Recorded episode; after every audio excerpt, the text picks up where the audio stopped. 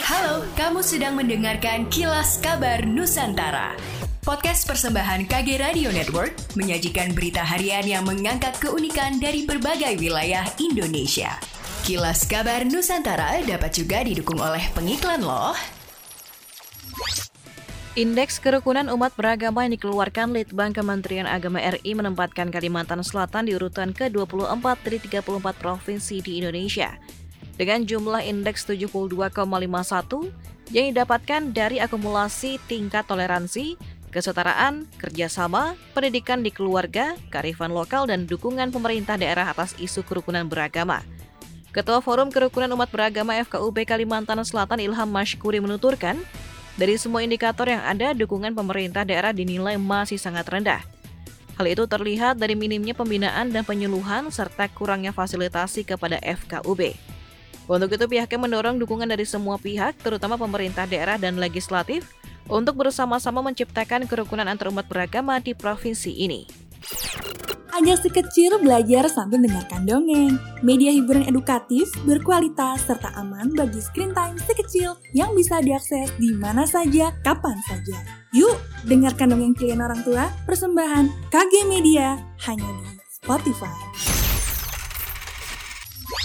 Arbonas Suta Barat, Kepala Bank Indonesia Sulawesi Utara optimis perekonomian Sulut pada triwulan ketiga tahun 2021 akan mengalami pertumbuhan. Hal ini dikatakan oleh dirinya lantaran melihat catatan dari triwulan pertama yang tumbuh 1,4 persen dan triwulan 2 yang tumbuh 8,49 persen. Pertumbuhan itu kata Arbonas merupakan dampak dari pelonggaran aktivitas ekonomi pembukaan kembali operasional pusat perbelanjaan dan juga vaksinasi.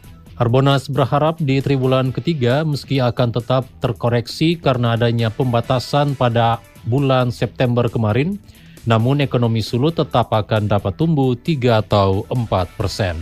Optimistis di triwulan ketiga dikatakan oleh Arbonas tercermin juga dari hasil survei kegiatan dunia usaha yang pada triwulan 3 diperkirakan kegiatan usaha tumbuh positif dengan saldo bersih tertimbang 6,36 persen dan hasil indeks keyakinan konsumen yang menguat berada di angka 108,3 persen. Selanjutnya untuk menjaga kestabilan kondisi ekonomi di daerah ini, Bank Indonesia Qatar Bonas akan terus berkoordinasi dengan pemerintah daerah dan stakeholder lainnya. Hingga kini Kementerian Agama wilayah Sulsel masih menunggu kepastian terkait kabar dibukanya kembali pemberangkatan jemaah haji maupun umrah untuk Indonesia oleh pemerintah Arab Saudi. Kepala Bidang Penyelenggara Haji dan Umroh Kemenak Sulsel, Ali Yafid mengaku sejauh ini pihaknya siap melakukan pemberangkatan. Hanya saja masih harus memastikan regulasi yang diberlakukan serta kesiapan jemaah. Salah satunya terkait aturan vaksinasi. Ali mengakui cakupan vaksinasi jemaah umrah di Sulsel masih rendah. Dari total 3.800 lebih jemaah umrah yang siap berangkat, hanya 1.000 lebih telah divaksinasi lengkap. Terlebih jika nantinya dipersyaratkan setiap jemaah yang berangkat harus menerima suntikan booster.